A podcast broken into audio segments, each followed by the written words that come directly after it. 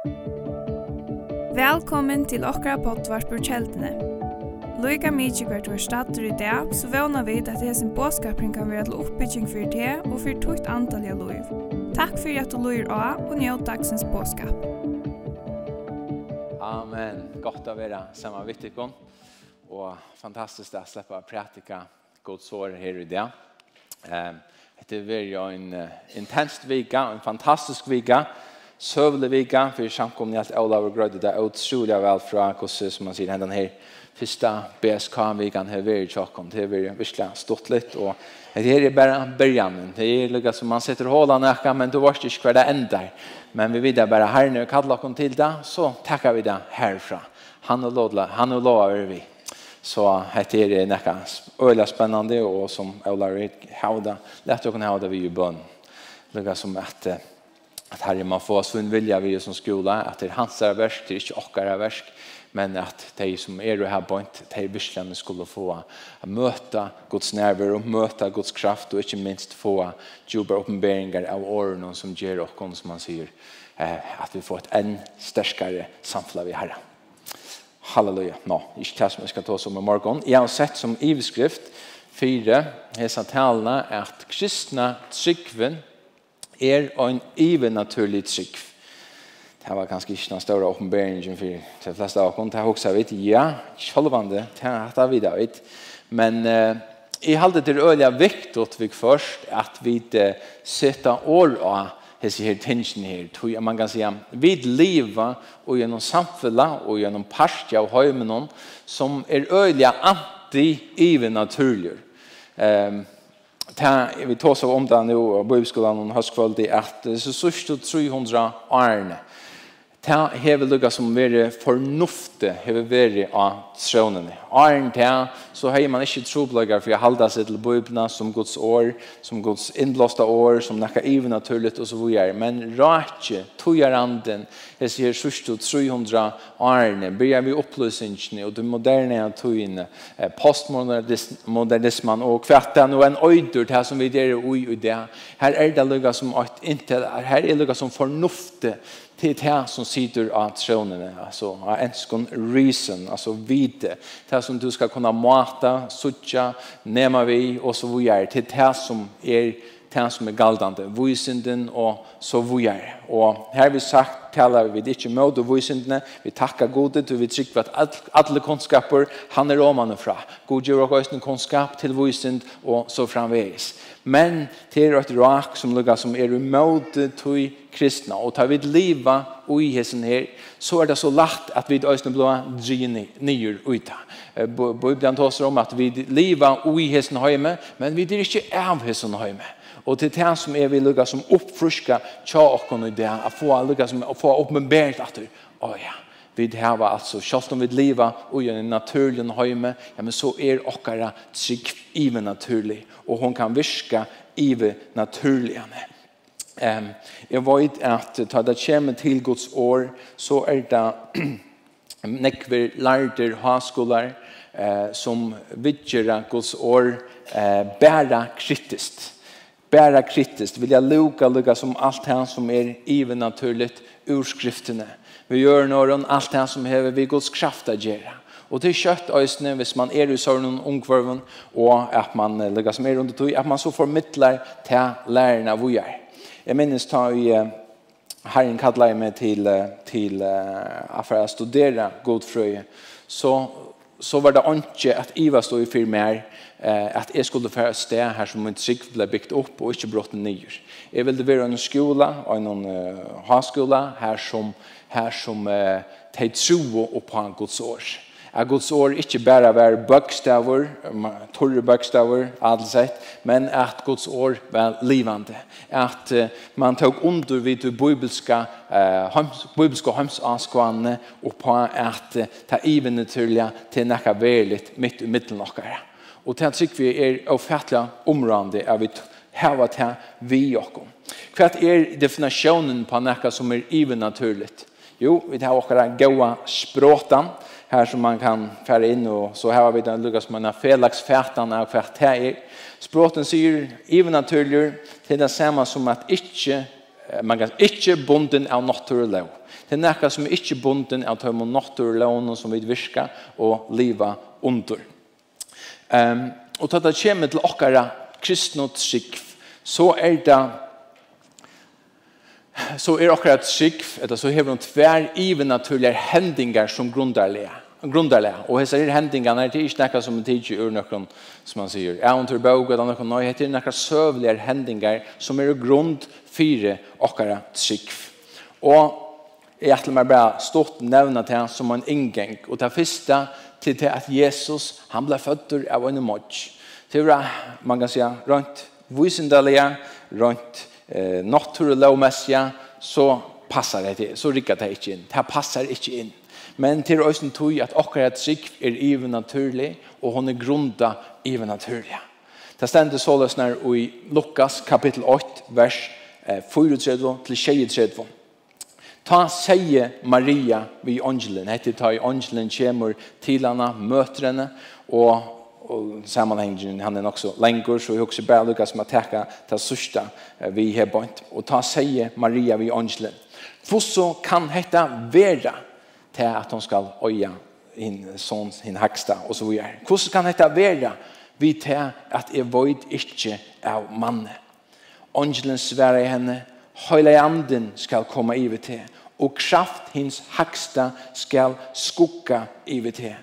Tu skal øysne hit høyleia og født verur kallast sonur gods. Og nu Elisabeth skiltkona tøyn, øysne hon er våren vi baden, og gongu vi sine og i edlesøyne.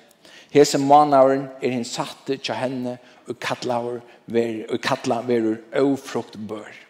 Tu ontje er gode og møvelet.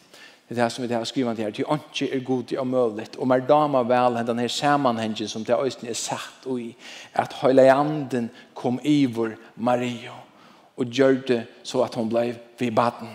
Og på henda matan så ble Jesus even naturliga fötter inne i hendene her høyme.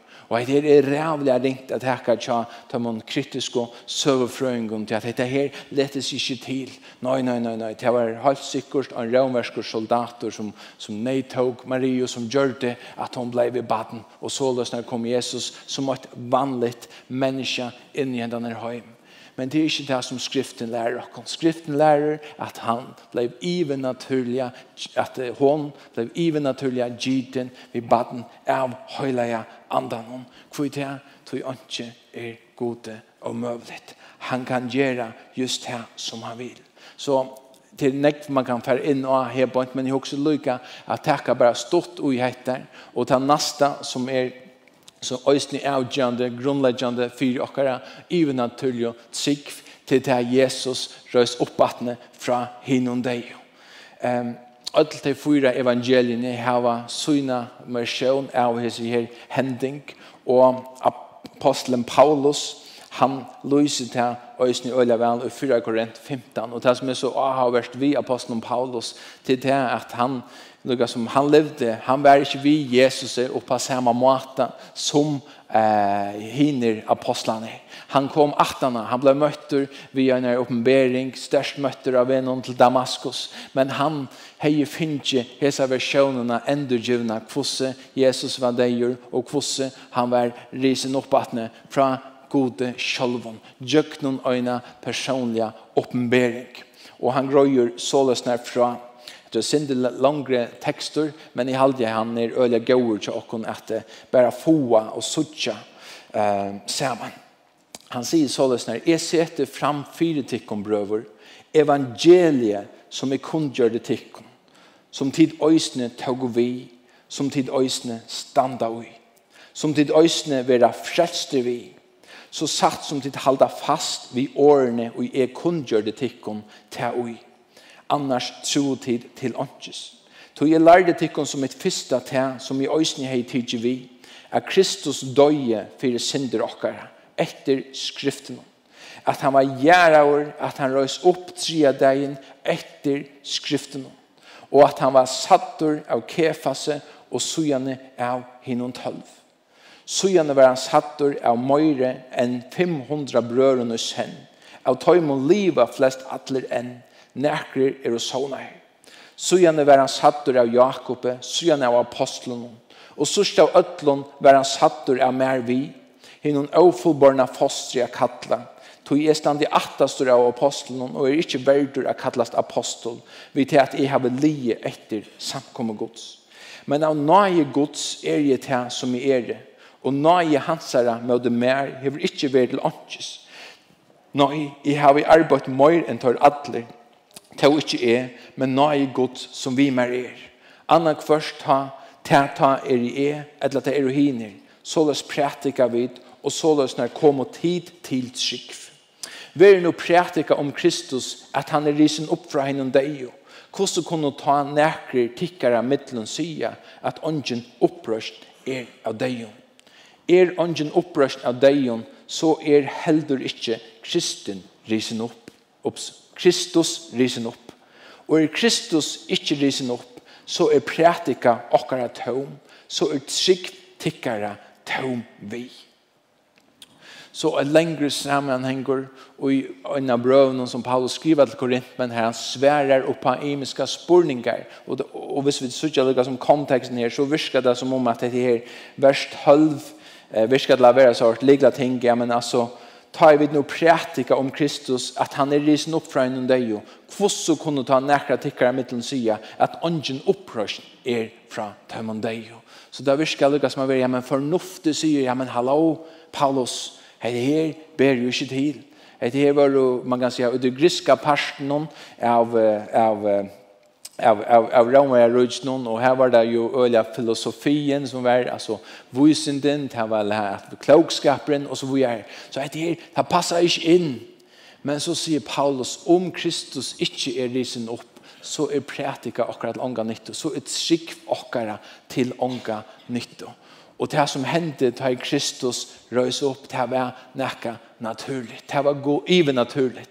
Det var god sjolver som røste han opp. Og Paulus viser av her bønt at lov, det er ikke bare jeg som sier etter her. Jesus, at han har opprørsene, åpenberer seg først for han for stendet for kefase, og så fyrer tar man tølv, og så for 500. Vi gjør noen, her er ekvelen ekne vittner som har se Jesus, at han har opprørsene, se naklamersene og i håndene, se sarene, og så vi er det. Hette her er nekka iver naturligt. Hette her ber ikkje til rent logiskt, rent menneskeslige. Nei, til tog til er iver naturligt. Um, Hittja vi inn i evangeliene, så suttja vi minst 22 grøyngar. Her Jesus nemur vi mennesker og på imsa måta. Og vi suttja minst 22 dømer om her han bøgnløyes for møter naturlovene. Her som han mettar til 5000. Her som han stekkar vinden. Her som han gonger av vattnen. Og her han røyser opp deg og så framvis. Da viser okkar at trygg er en ivenaturlig trygg. Hon virkar ivenaturliga. Vi liva i hesson og høyme. vi er jo menneskje, vi må frihalda okkon til ta naturliga, men det stekkar ikkje her. Tja tøymon, og nødja testamentet lukka som tar hams askoan här var en med mellan naturliga och ta even naturliga. Det var lika som flatta samman. Och det näka som ösnen man kan säga den humanistiska tankegången är flott och kon lika som att det lika som blev någon frastöva. Men det ser bara tingene den naturliga och even naturliga det är lika som det höjer samman. Det är öliga ringt att lika som skilja här blir det naturliga och här ända den even naturliga och så är det. Det är purasta flatta samman fer vi inn i evangeliet, Markus kapitel 8, så, ja, og sjående, alt som du sier her, bare, vi det har vi hese bare tingene til da Jesus ble føtter, og da han dør og røys opp og så er det også alt det her i midtelen som evangeliene grøyer fra.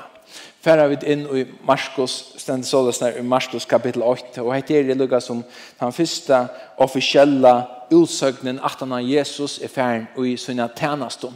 Han var blivit døptur og i Anne Jordan av Johannes døybaren, og så er han vært ut i øyemørsene i 40 år, vært frøstaur av Gjellnon, og nå styr han fram og etter at Johannes var sett fast og stendet da, kom Jesus til Galilea og prætikaje evangelion Guds.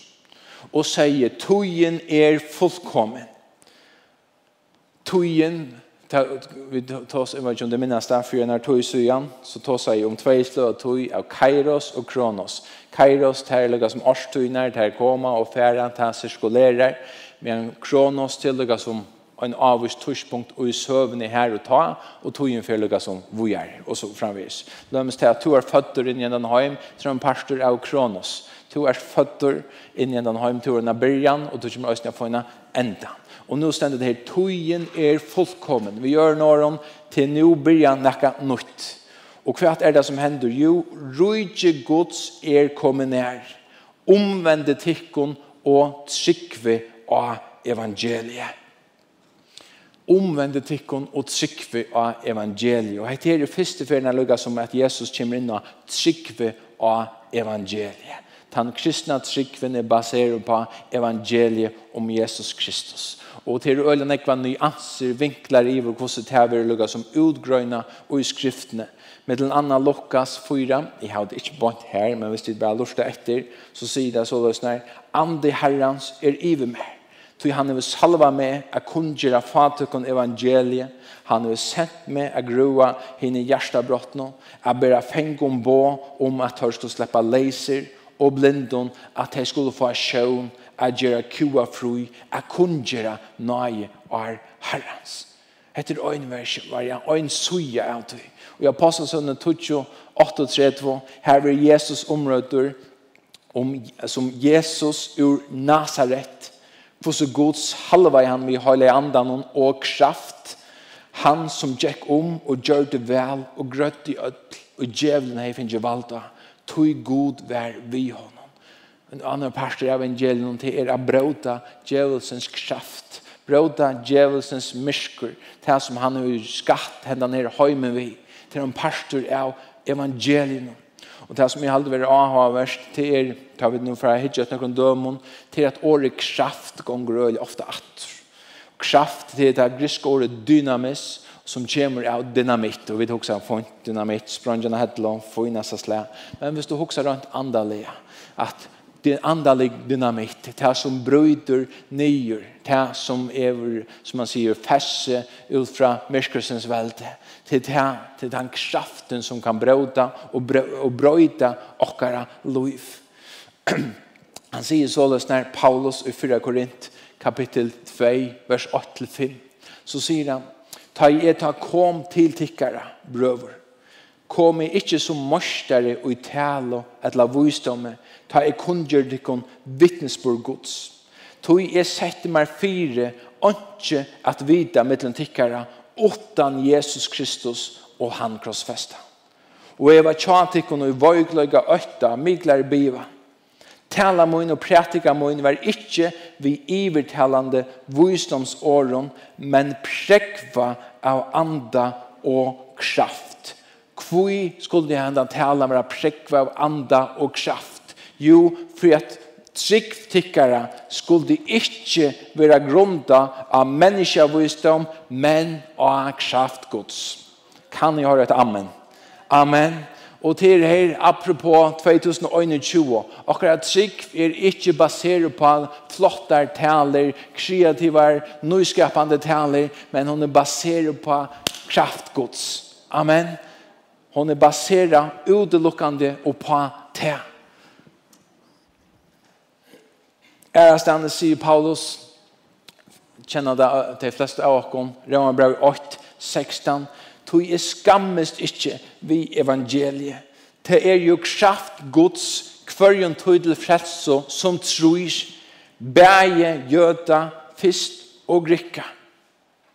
Det er jo kraft gods enn og enn for når brukar han etter her hodtatje er kraft gods kvørjen tog til frelse som tror Og jeg tykker at det er så områdende, man kan si, at vi holder fast og gjesner, til vi kunne komme og i tøyer, ah, vi dør ikke at tykker.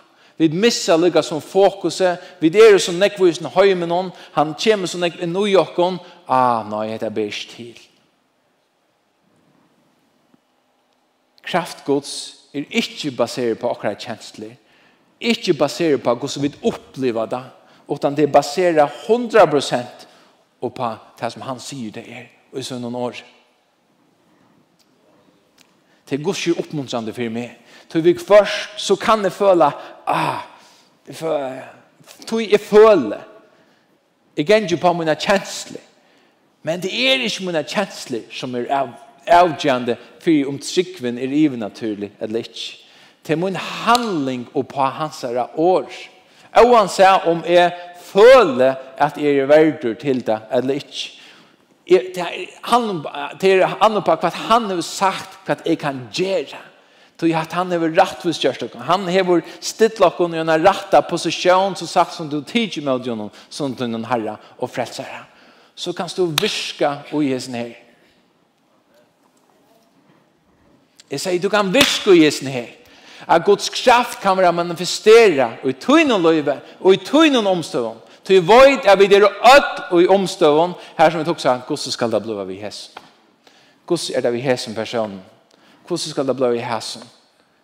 Guds kraft er stadvekk galdande i det.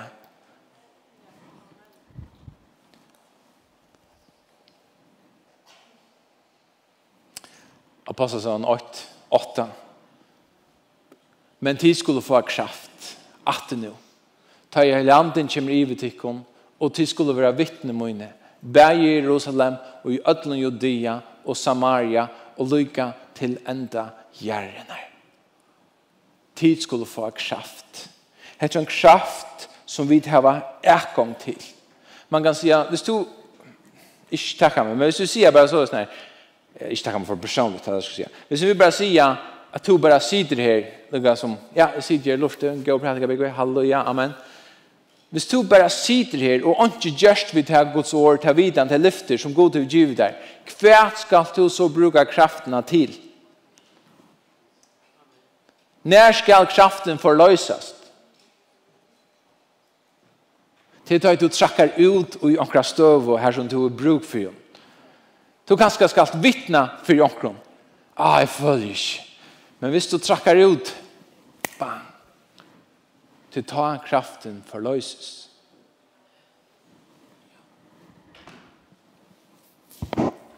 Du kan skørst sjukur, eller her omkran, vorst omkran som er sjuk, og du også, ah, skal det bliva? Når forløses det, jo, da er du gjerst en handling. Ja, men det er kyrksta rikkar. Jeg skal si at det er gos større chanser at det rikkar om du gjerst det enn at du ikke gjerst det. Hvis du ikke gjerst så hender han ikke. At det var djupt. Jeg har det da, til det også var det. Ja, det er godt at det er. Han ikke gjør, så hender han ikke. Pura rett. Amen. Paulus sier såles når i enda noen av 17 Korint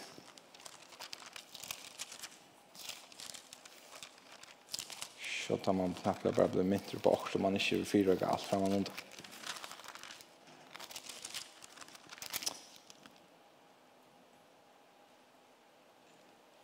Paulus sier, og det hele som sammanhengen er åt Anna, han sier at han tåsar om en sånn her tørnene og i holden og så tåsar han om at en angel satans er en tørnene, og så sier han at, han, at uh, han skulle vujja fra meg bæ i herran om trutja ferier, men han sier vi meg, nøye moin er ter no mykje, tog kraft moin være fullkommen og i vågløyga.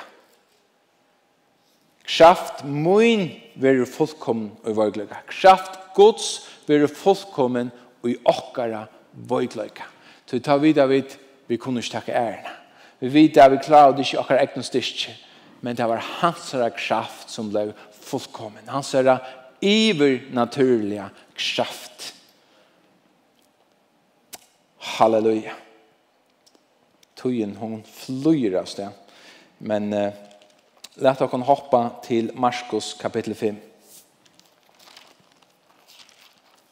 Marskos kapitel 5 og vers 25-24. Jeg skal lese i atleie.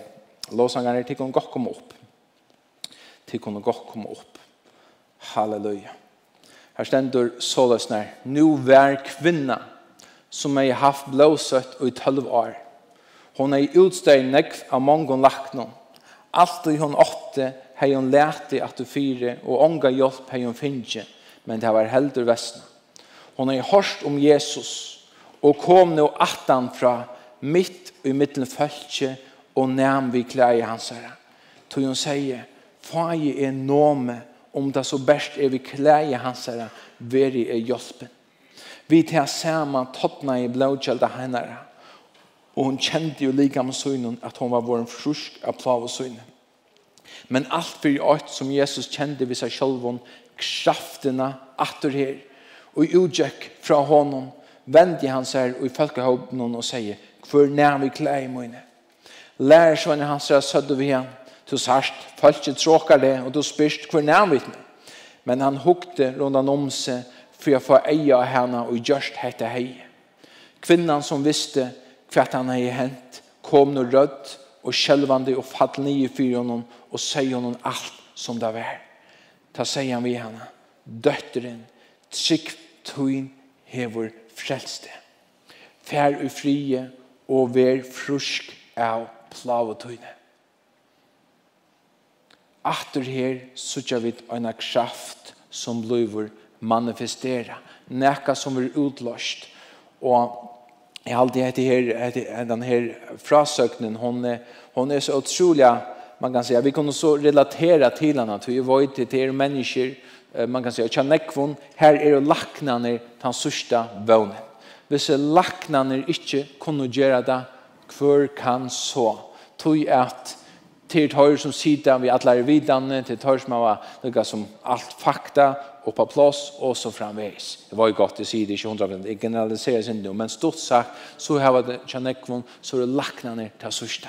Og henne her kvinnan, hon er rønt, steg på, og i, og i tølv år, og hon klarer ikke mer. Her var ikke etter som kunde hjelpe henne.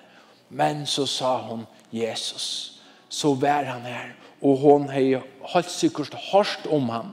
Så hva var det som drog henne til Jesus? Jeg mener, hun kunne akkurat sammen være ferdig noen ærestans. Men hun stender at hun tråka i seg. Nei, det stender slett ikke, men hun forstod til meg at hun gjør det. Det har vært sånn jeg folk, at hun sier, «Fai, bare nå meg. Fai, jeg kommer angstandens nær till lärare som han säger ja men fältet tråkas utla det här var onkor bara till gör som nämnt inte nej här var onkor som ville häva näka fram här här var onkor som sträckte sig mer än näka annar og to kanst og i det øsne stretja til. Herren hikker, han er jo sånn i eie vend av hjørne, men to kan stretja til, til hans herre og på en særlig hatt. Du kan stretja til å si, herre, jeg vil ha en berøring. Herre, jeg vil ha noe fra det her. Du stretcher til at sikt til det som han sier her på en. At fær og fri, han sier døtteren, sikt til heve frelste. Sikven som dråene til Jesus frelste henne fra hese her plavo som han hever bonden av og i fjørste år. Halleluja. Halleluja vi må komma attur sig vi et lett her en sterskare om tilviskene av at akkurat sig hon er ikke bare som man sier nekka halleluja sånn morgon og så vidare. Men jeg vil dere tilvide om at hon hever en ivernaturlig dimensjon som vi da finner ekong til som vi kunne virke i og jeg tror vi herren vil vekje nekka opp i okkon her og i det Øysen som samkomma, inn i alt det som, vi, som man sier, er av vi inn i, vi har bruk for det. Jeg vil tilvide deg om at det høyest omstående er ikke alltid sier, man kan si amen og halleluja, men så kunne vi stretche oss og utsikv. Så det er even naturlig manifesteres mitt og i midten av dere. Det er det som evangeliene er, som man kan si, klokk og klar om. Og vi så ikke apostlasøvnene hvordan det er før. Vi så ikke hvordan det er før at det er manifestera manifesterer i seg. Guds kraft manifesterer i seg. Og at det er ikke liv og tid. Og jeg var i døsene når jeg er kunne vittne om Guds kraft. At Gud har gjort noe og i akkurat livet. Men lät jag kunna hålla fast vid det. Och lät jag kunna lycka som kvöjtja heter här dessa tillviskna om heter här attor. Ska ända vi oss ner åren under Lukas kapitel 21 och vers 32 stendur såløsner at himmel og gjør skulle forgenga, men år mine skulle alls ikke forgenga. Så du hokser om disse utsøkningene her på en så er det en ofertelig radikal utsøkning. At her som vi sutja det tøymelige øyn så er det livet. Okkara liv, onker sier at det er som han røyker, så stort er det. Men hans er år, fra atterlig til atterlig. Jeg mener til at vi sitter her og i det, vi og, og prysa herren og under samkommet førjon, vekkene nekka som han gjør det for 2000 år siden. Det er ikke nekka naturligt. Det er også en vittnesbord av til ive naturliga som er for framgå så god til å vakt og ive så i noen året. Så løsner at det er fra atterlig, fra atterlig, fra tjå til tjå, er det mennesker som halda av fram vi at lytta navnet Jesus opp. Amen. Så akkurat sikv er ikke bygd på kjensler og opplevelser, men hon er bygd av hans evige år. Jeg var ikke superlatja som å stande her og sier det. Jeg taler lugene til meg selv, som til tikkene som sitter her og tikkene som lørst av. At vi skulle inntakke det her enda mer vi lever, vi har allt runt om oss, vi har, men det som velja flit i nekka, det er det vi færre iver jag viska og i tog iver naturliga. Jeg vil ha tilvilda i om det. Det var ett gott, när jag också nu, hof, etter, jeg nästan sagt, hör til alla, men jeg vill oppmuntra oss. Jeg vil edge oss av veru i snitt. Vi tar hitja Peter her ivre, så hoksa jeg om till beröring som han fick av Guds kraft som totalt gav honom näka som han aldrig har haft för gav honom några förlögar attor som han har mist. Till Guds kraft var här på Amen. Halleluja. Lätt oss færa og tilby herren og anna løtt. Og jeg husker, er det noe som to stendrui hebont och vi kunde be samman och vittar och i morgon är det gröjing är det onkel omstöva är det akkurst att la to bara vill ta ha akkur från Jesus i hända morgonen kom så fram så vill vi bara stanna samman vittar och be samman vittar jag tycker verkligen är att att han vill kvöja heter här uppåtne och Jakob amen.